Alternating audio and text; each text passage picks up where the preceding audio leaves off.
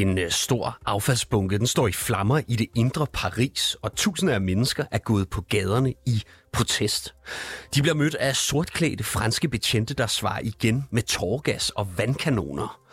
Nogle af demonstranterne de kommer i kampolage med politiet, og flere hundrede af de demonstrerende de bliver anholdt i løbet af weekenden. Du lytter til konfliktzonen, hvor vi i dag skal til et Frankrig i protest. Præsident Macron han har nemlig gennemtvunget en reform, der hæver pensionsalderen, og det har medført store protester, og ikke mindst to mistillidsafstemninger mod Macrons regering. Vi spørger, hvor det her det egentlig stiller Macron og hans fremtid. Mit navn er Mads Vesterager. Velkommen til Konfliktzonen.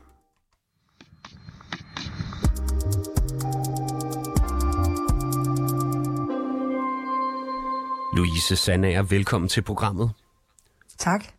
Du er 24-7's øh, korrespondent i Paris, og du har fulgt de her protester tæt. Og prøv lige at hjælpe os med at sætte nogle flere ord på, hvad det egentlig er for nogle protester, vi har set i Paris her siden torsdag.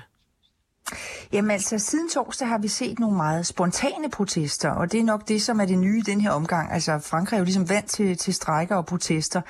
Øh, men det her, det er lidt anderledes. Øh, man kan sige, indtil regeringen trumfede pensionsreformen igennem per dekret i torsdags, ikke? så var protesterne og strækkerne og demonstrationerne, de var sådan planlagte og organiseret. Men siden torsdag, så har vi set en masse spontant opstået forsamlinger og optøjer. Altså lufthavnen, der bliver blokeret, bål i gaderne, øh, rundkørsler, der bliver besat, og, og bilister, der bliver stoppet og blokeret i trafikken. Øh, så de her protester er sådan blevet meget spontane, uorganiserede, man kan sige sådan, næsten sådan anarkistiske, de, de popper bare op. Øh, og det er jo noget af det, som kan blive rigtig, rigtig hurtigt farligt for regeringen, fordi så er det meget sværere at styre. Altså, de popper bare op, siger du. Men hvem er det, der møder op til de her demonstrationer? Jamen, det er jo det, der, det er alle slags mennesker. Det er en meget broet flok. Øh, altså, det er, det er arbejdere, men det er også funktionærer. Man kan sige, det er skraldefolk, der går hånd i hånd med gymnasielærerne. Det er simpelthen en bred fælles front. Øh, og på samme måde også, altså politisk, så spænder de her demonstranter jo, altså de, de repræsenterer hele befolkningen, kan man sige. Der er både det ekstreme højre, som går, går sammen med det yderste venstre. Øh, de har en fælles fjende, og det er den her højere pensionsalder. Øh, og det er jo altså noget af det, som man kan sige er, er tricky for Macron og hans regering den her gang, at de ikke, som de tidligere har haft i andre sager, i det mindste har kunne vinde gehør i en, i en del af befolkningen. Man ligesom kunne alliere sig med en del af befolkningen mod resten. Men her er der modstandere i alle befolkningsgrupper. Og hvad siger demonstranterne så sådan helt konkret til det her forslag om, at øh, Macron vil hæve pensionsalderen? Ja, ja, det ved de jo ikke, vel? Altså 69, næsten 70 procent er imod, at pensionsalderen skal sættes op. Den skal sættes op fra 62 til 64. Øh, og for os som danskere, så kan det jo altså, øh, virke ret forkælet, fordi man i Danmark allerede nu skal arbejde til 67, og de unge sikkert længere. Øh, men sådan tænker franskmænd jo ikke. De synes helt oprigtigt, at det er groft og urimeligt, at de skal blive længere på arbejdsmarkedet. Også selvom franskmænd bliver ældre og ældre, og det faktisk er, nogle af de folk i OECD for eksempel, som, øh, som lever længst efter, at de gået på pension. Og det er simpelthen ikke lykkedes Macron, kan man sige, at få overbevist franskmændene om, at det samfundsmæssigt ikke kan hænge sammen, at de skal være på pension i over 20 år. Den besked har han simpelthen ikke formået at få igennem. Øh, så de synes bare, at han er en super arrogant og enevældig præsident. Øh, og det er jo selvfølgelig et image, der er blevet, kan man sige, forstærket efter, at han nu har gennemtvunget den her reform ved at bruge øh, det her smuthul i forfatningen øh, med en meget omdiskuteret paragraf. Og det har jo ført til den her udtalte utilfredshed, altså, øhm, og til decideret sammenstød mellem demonstranter og politi. Og prøv lige en gang at beskrive for os, hvor voldsomme de her sammenstød de egentlig har været. Jamen, de har været meget voldsomme. Og nu igen i aftes og i nat har der været ild i gaderne i Paris, og i, i øvrigt i andre større byer. Øh, og det er alle slags mennesker. Det er jo altså ikke kun sådan nogle black blocs og unge anarkister. Det, I går så jeg en ældre mand med et stort gråt skæg, der flygtede fra politiets stokke. Ikke? Øh, så det er jo altså helt almindeligt frustrerede mennesker, der er i kamp her. Øh, og det, det er altså... Øh, det er anderledes, kan man sige, end det tit har været. Øh, at det er over en bred kamp helt almindelige mennesker, der, der går i protest. Og der er jo altså også meldinger om, at det er simpelthen hundredvis af, af mennesker, der er blevet arresteret i Paris alene. Hvor opsigtsvækkende er det egentlig, Louise Sandager? Jamen, altså, det er jo det er altid spektakulært, når Paris går i brand, vil jeg sige. Øh, men efterhånden så ligner det jo mere en gentagelse. Det er sådan en slags replay for os, der bor, kan man sige, fordi øh, det er jo den slags scener og oprør, som vi så allerede tilbage i 2018 og 19 dengang hvor de gule veste lammede landet og, og smadrede en del byer faktisk over 38 lørdage i træk, så gik de amok. Øhm, så det, man kan sige, det er noget, vi har set før. Øhm, men den her gang øh, vil jeg sige, der er udsigt til, at øh, altså, han sidder virkelig løst i, i sædet nu. Folk er rigtig tosset, og det er det, han skal være bange for, Macron. Det er, at det her ikke stopper, at det bliver ved og bare eskalerer. Altså, det er jo ret vildt, øh, når, kan man sige, 60-65 år i øh, øh, skolelærer med stor skæg begynder at sætte ild til gaderne i Paris. Hvad kan det der få af konsekvens, kan man sige, for, øh, for Macron? Jamen altså, der blev stillet de her to mistillidsvotum mod ham, og dem øh, undgik han kun med nød og næppe i går øh, eftermiddag og, og tidlig aften. Øh, men altså, der var kun forskel på ni stemmer. Så han sidder i et katapultsæde lige nu, og så tæt på at blive smidt ud har han aldrig nogensinde været før. Og altså, det er jo nogle vilde billeder, der kommer ud fra Paris, og du nævnte jo også, at bare her i nat har der også været, øh, hvad hedder det, brand i, øh, i, i gader rundt omkring i byen. Altså, har politiet styr på situationen efter din vurdering? Både ja og nej. Altså indtil nu, øh, så har de kunne inddæmme protesterne, ikke ved at bruge tårgas og være rimelig brutale. Øh, alene i aftes var der 2.000 betjente udkommanderet bare i Paris. Men der er jo altså også en grænse for, hvor hårdt og hvor tit øh, man som ordensmagt kan slå ned på sin egen befolkning, uden at man, øh, man fuldstændig mister sin legitimitet. Så hvis Øh, protesterne øh, bliver ved, øh, så er det spørgsmålet, hvor lang tid politiet kan være med. Og i øvrigt internt i politiet er der jo altså også øh, stor modstand mod den her pensionsreform. Og nu har vi jo fokuseret lidt på Paris, men hvis vi prøver at kigge lidt bredere ud på Frankrig som helhed, så har der jo altså også været protester og voldelige sammenstød i andre større franske byer, blandt andet Nantes og øh, Nice, Lyon og Bordeaux. Hvor stor er utilfredsheden egentlig på landsplan i Frankrig? Jamen, den er kæmpestor, og den, den er enorm. Øh, og det er vigtigt, nemlig, som du gør nu, at fremhæve, at det ikke bare er et Pariser-fænomen, det her. Øh, det er også i provinsen, det er også ude på landet. Øh, og akkurat som dengang med de gule veste, så ser vi folk øh, i den her, øh, øh, kan man sige, den her omgang, som aldrig før har hverken demonstreret eller strækket. Altså helt almindelige, pæne borgere, der bare plejer at passe deres arbejde, som er så stiktosset, at de for første gang måske i deres liv øh, går på gaden øh, og går med til at lave noget, der ovenikøbet er voldeligt eller brutalt. Og der er jo faktisk ikke rigtig noget, der tyder på, at protesterne kommer til at stoppe, i hvert fald lige forløbig. Torsdag der øh, er der varslet omfattende strejker i hele Frankrig. Altså, hvad er det helt præcis, der bliver lagt op til her? Jamen, der er lagt op til det samme, som der har været otte gange før i den her forbindelse, så det er niende gang. Og det er jo så en organiseret dag, kan man sige, hvor der er indkaldt til generalstrække, hvor alle fagforeninger øh, bakker op om de her protester. Så det, der kommer til at ske, kan man sige, det er sådan samme opskrift, som det, vi har set otte gange før, nemlig at tog metro, bus øh, bliver stort set lagt ned. Der bliver forsinkelser på fly. Der er skolebørn, der ikke kan komme i skole, fordi lærerne ikke er der. Øh, der er gymnasielærer, som truer med at boykotte eller blokere de elever, som skal til skriftlig studentereksamen i den her uge. Og det er jo altså ret slemt, hvis det går hen og sker. Eller det er de studerende på universiteterne selv, som, øh, som blokerer deres, besætter deres universiteter.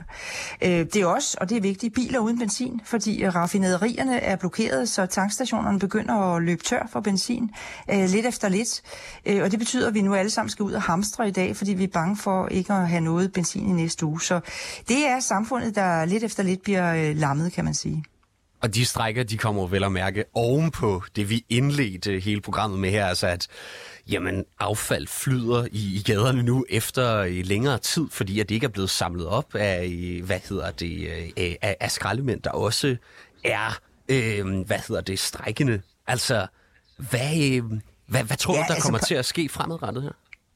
Jamen altså, øh, det bliver bare, hvis, hvis ikke vi får en eller anden... Øh, Øh, øh, game changer, som virkelig, som jeg ikke kan se for mig lige nu, øh, så, så eskalerer det nu. Og som du selv siger, altså Paris er jo ikke noget øh, at vise frem for omverdenen lige nu. Det ligner simpelthen mange steder en stor skraldbunke. Der er 10.000 tons affald, som flyder rundt i gaderne. Så man kan sige, altså rotterne, de er i hvert fald de eneste, der, der er tilfredse med situationen, fordi de render bogstaveligt talt rundt og holder fest i de her skraldposer, og gider altså dårligt flytte når man kommer gående hen ad fortorvet. Så det er en meget uhumsk by lige for tiden, og, og jo altså også far farlig, og jeg kan ikke lige nu se, fordi man kan sige, øh, der er alle de her gale, vrede mennesker, men så er der jo altså også øh, uromagerne, som sent i aftes øh, også blandede sig, og når de først blander sig, så, øh, så begynder det at blive rigtig farligt, for så begynder de at smadre butikker, øh, og, og så bliver det til egentlig vold.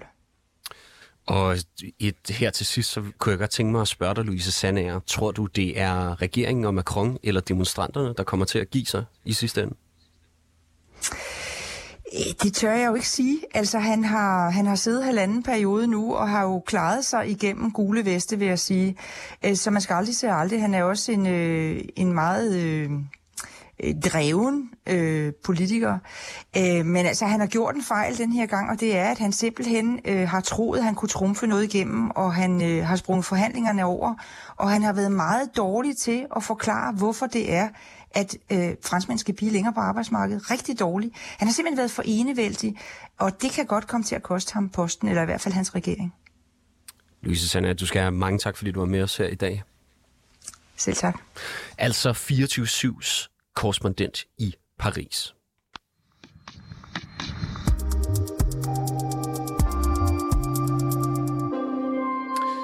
Ja, de sidste dages uroligheder og ikke mindst den utilfredshed, der er i befolkningen, den har efterladt den franske præsident Macron i en ret ubekvem øh, situation, øh, som alligevel er nødvendig, i hvert fald set fra øh, regeringens side.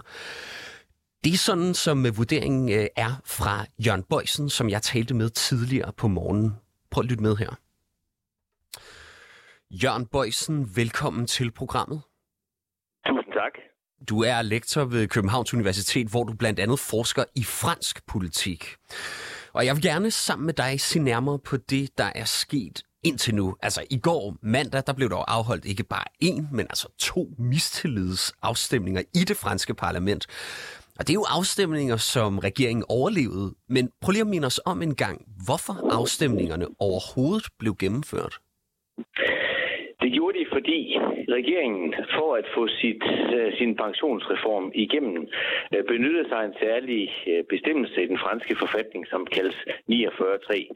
Altså det er sådan noget, hvis man ikke ligesom føler, at man kan få øh, tilpas med ja-stemmer til, til, til sit lovforslag, så kan man sætte sig selv på spil. Det vil sige, hvis I har så meget imod det her, så, så vælg os. Og det vil sige, at det oppositionen så kan gøre, når øh, regeringen de, de trækker den op af hatten, det er at stille et, øh, en mistillidsdagsorden. Og det bliver så gjort fra forskellige sider. I går en øh, fra det yderste højre, Rassemblement National, og en anden fra sådan lidt, sådan, øh, lidt fra midten af spektrum, som ligesom var på tværs af partiskæld. Øh, og de blev så øh, fremført begge to øh, i parlamentet, begge, begge dagsordner. Regeringen fik lov til at svare, og så gik de tilbage og stemte. Og det var lige sådan lidt på et hængende hår, at øh, regeringen overlevede øh, de her forskellige afstemninger. Men det gjorde de. Ja, lad os lige se nærmere på det, der ligger forud for de her to afstemninger. Altså nu nævnte du den her artikel 49.3. Og altså, hvorfor har man egentlig i den øh, øh, franske ledelse sådanne øh, magtværktøjer foran sig? Jamen, altså, man kan jo kalde det negativ parlamentarisme. Det vil sige, at regeringen kan få gennemført det, så længe den ikke har et flertal imod sig. Og det, øh, det var noget, de Gaulle han, øh, han fik indført øh, i, i slutningen af 50'erne, fordi øh, lige præcis inden, der havde det franske parlament været øh, totalt uregerligt og har været ude af stand til at gennemføre noget som helst. Så det, det vil vi simpelthen undgå. Så altså, hvis man skal have lidt styr på det, så laver man ligesom det her trumfkort og siger, okay, øh, den her lov, den kan vi ikke ligesom flertal for, men altså er I også mod regeringen? Og det er sådan, altså, den har egentlig været accepteret og brugt øh, mange gange, så den, jeg tror, den er op mod 100 gange efterhånden øh, i, i, øh, i fransk øh, forfatningshistorie her de sidste 60 år. Men øh, den opfattes tiltalende og mere og mere som udemokratisk. Altså at man kan tage store lovkomplekser igennem parlamentet uden afstemning i parlamentet, bare ved at regeringen sætter sig selv på spil. Og øh, altså det, det, der egentlig opfattes som ganske normalt i, i 60'erne og 70'erne, er blevet øh, opfattet nu som, som, som fuldstændig udemokratisk. Og det er lidt lige præcis i den her situation, hvor, hvor landet er meget mod de her pensionsreformer. Øh, der er det benzin på bålet. Jeg synes lige, vi skal prøve at høre, hvordan det lød den 16. marts, da Macron havde besluttet sig for at gennemtvinge de her pensionsreformer. Prøv lige at lytte med en gang.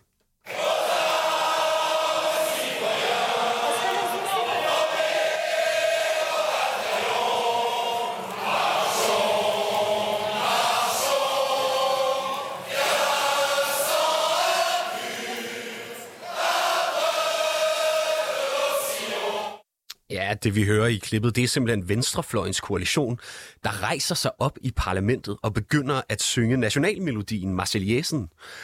Øh, hvad er det, den franske opposition ser af problemer ved at hæve pensionsalderen de her to år fra 62 til 64 år? Jamen, altså, den, den ser flere ting. Altså, man kan sige, hvis man skal sætte øh, med de positive briller på, så ser de en, en, reform, en reform, som kan være uretfærdig over for, for flere grupper af samfundet. Altså for grupper, som i forvejen har det hårdt. Altså folk øh, ufaglærte, som starter tidligt på arbejde, som skal øh, arbejde meget, meget længe. Det, det, kan, det, det kan der være en pointe i. Øh, de ser også, hvis man skal have de sådan lidt mere kyniske briller på, en, øh, en god lejlighed til at øh, score politiske point, fordi den her, altså franskmænd har ikke lyst til at arbejde to år længere, så der er øh, gode point at score i at være mod dem. Og der er øh, gode point at sørge for, at regeringen ikke kan få noget som helst kompromis igennem. Øh, så kan de blokere forhandlingerne og så sige bagefter, at vi var mod det her. Øh, til, vi, vi kæmpede til, til sidste skanse for, for at stoppe den her reform. Og så håber på, at det giver vælgermæssig bonus næste gang, der, der, der skal valg. Så der havde sådan et, øh, altså, en eller anden form for blame game, ikke? Også vi her på folkets side, og den under regering har, har, har gennemført det her. Altså, det er jo ikke første gang, at Macron han har nærmest en hel opstand imod sig. Altså hvis vi tænker bare lidt tilbage, så var der jo bevægelsen med de gule veste, og så altså, de protesterede jo i den grad imod Macrons planer, fordi at øh, de jo mente, at hans politik de rammer middel- og arbejderklassen. Så hvordan har Macron egentlig mod til at gennemføre en ændring af pensionsalderen? Det er jo øh, en, en stor sag, altså noget, der også vil ramme arbejderklassen.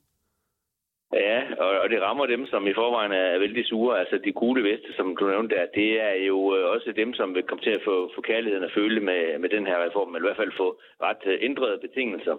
Øhm, man kan jo sige, at han i modsætning til sine sådan umiddelbare forgængere øh, udviser en eller anden form for politisk mod, fordi øh, af flere grunde er det ret nødvendigt at øh, få lavet det her. Det er vildt dyrt for det franske samfund at opretholde det her pensionssystem.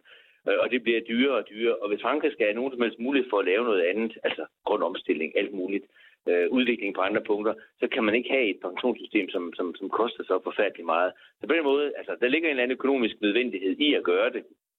Øh, og så ligger der også sådan lidt altså en, en stedighed øh, hos Macron. Altså Macron, han, øh, han, han kan sig ligesom op på, at han vil ikke øh, ligesom undlade at tage de svære beslutninger, ligesom hans forgænger havde gjort. Han synes, det var uansvarligt, og han er, der er også et eller andet, øh, altså han, han er også sådan lidt en, der godt kan lide at, at, at slås en lille smule og sige, okay, det her, det bliver, øh, det, det, det gør vi altså. Men øh, hele modstanden er været meget, meget stærkere, end man kunne forvente. Altså, det har jo det har ligget hele tiden, hvis man prøver ved pensionsreformer, så bliver der ballade. Men altså, der er blevet meget, meget mere ballade, end man egentlig havde frygtet. Øh, og det er der blevet, fordi øh, øh, alle har ligesom er gået sammen mod det. Selv arbejdsgiverne, øh, som holder så meget diskret her, har været, været imod det. Højre mod det, venstre mod det. Så, så øh, han står virkelig som pelle alene i verden her øh, med den her reform. Øh, Alternativt til gengæld, hvis han havde sagt, okay, øh, jamen ved du hvad, det, jeg kan godt se det her, vi, øh, vi, vi skruer ned for det, vi skruer ned for ambitionsniveauet, vi, vi prøver at lave noget andet, så ville han have mistet legitimitet. Så altså, det vigtigste, han har tænkt sig at gennemføre øh, i de her fem år, han er præsident, det vil være faldet, og så vil han være sådan en, øh, altså vil han bare være en, en marionetfigur eller en kransekagefigur øh, i de sidste års mandat. Og Jørgen Bøjsen her til sidst. Hvad så nu? Altså, hvad, hvad forventer du, der kommer til at ske i den her armlægning mellem Macron og oppositionen? Uh, det er virkelig, altså der er ikke nogen happy ending for, for Macron i det her. Uh, det man kan håbe på, det er, at uh, alle er blevet så trætte af den her langvarige armlægning, at de ligesom siger, okay, vi tager lige en puster her, og så at man ligesom siger, okay, nu er, nu er løbet kørt, nu, nu prøver vi at vende os mod noget andet. Men altså umiddelbart ser det ikke sådan ud. Altså de der forskellige strækker og protester, der har været, de, de brød løs igen øh, i går, og vil i hvert fald fortsætte en lille smule nu. Og det er ikke noget, der kommer til at gå over af sig selv. Så der er ikke, øh, der er ikke andet øh, end at sætte sig tilbage med armene over kors, og så vente på, at, øh, at der falder ro på en gang, øh, og håbe, at der gør det. Kan man ikke forestille sig, at øh, Macron han måske bliver straffet af vælgerne på grund af det her? Om han kan jo være ligeglad. han kan ikke vælges igen. Øh, han, sidder, han, øh, han er fri på den måde. Altså, men, men problemet er selvfølgelig, hvad næste gang han vil lave et eller andet. Altså hele den her modstand mod ham og mod hans projekt vil blive større og større. Øh, den, der vil blive straffet, er selvfølgelig øh, hans parti. Altså dem, som er inden for øh, Macrons formation, som nu hedder Renaissance. øh, de, øh, de vil nok få det svært ved næste valg, fordi det vil vælgerne huske øh, det her. Øh, problemet er bare, at øh, ja, man har det her centrumsformation, som ingen kan lide åbenbart, men alternativerne, det yderste, yderste venstre, de er næsten øh, de er næsten endnu værre. Der er ikke rigtig noget troværdigt alternativ til det her. Franskmænd står sted, vi kan ikke lide det, vi har, men vi har ikke noget andet. Jørgen Bøjsen, lektor og forsker ved Københavns Universitet. Tak for din medvirken her i dag. Selv tak.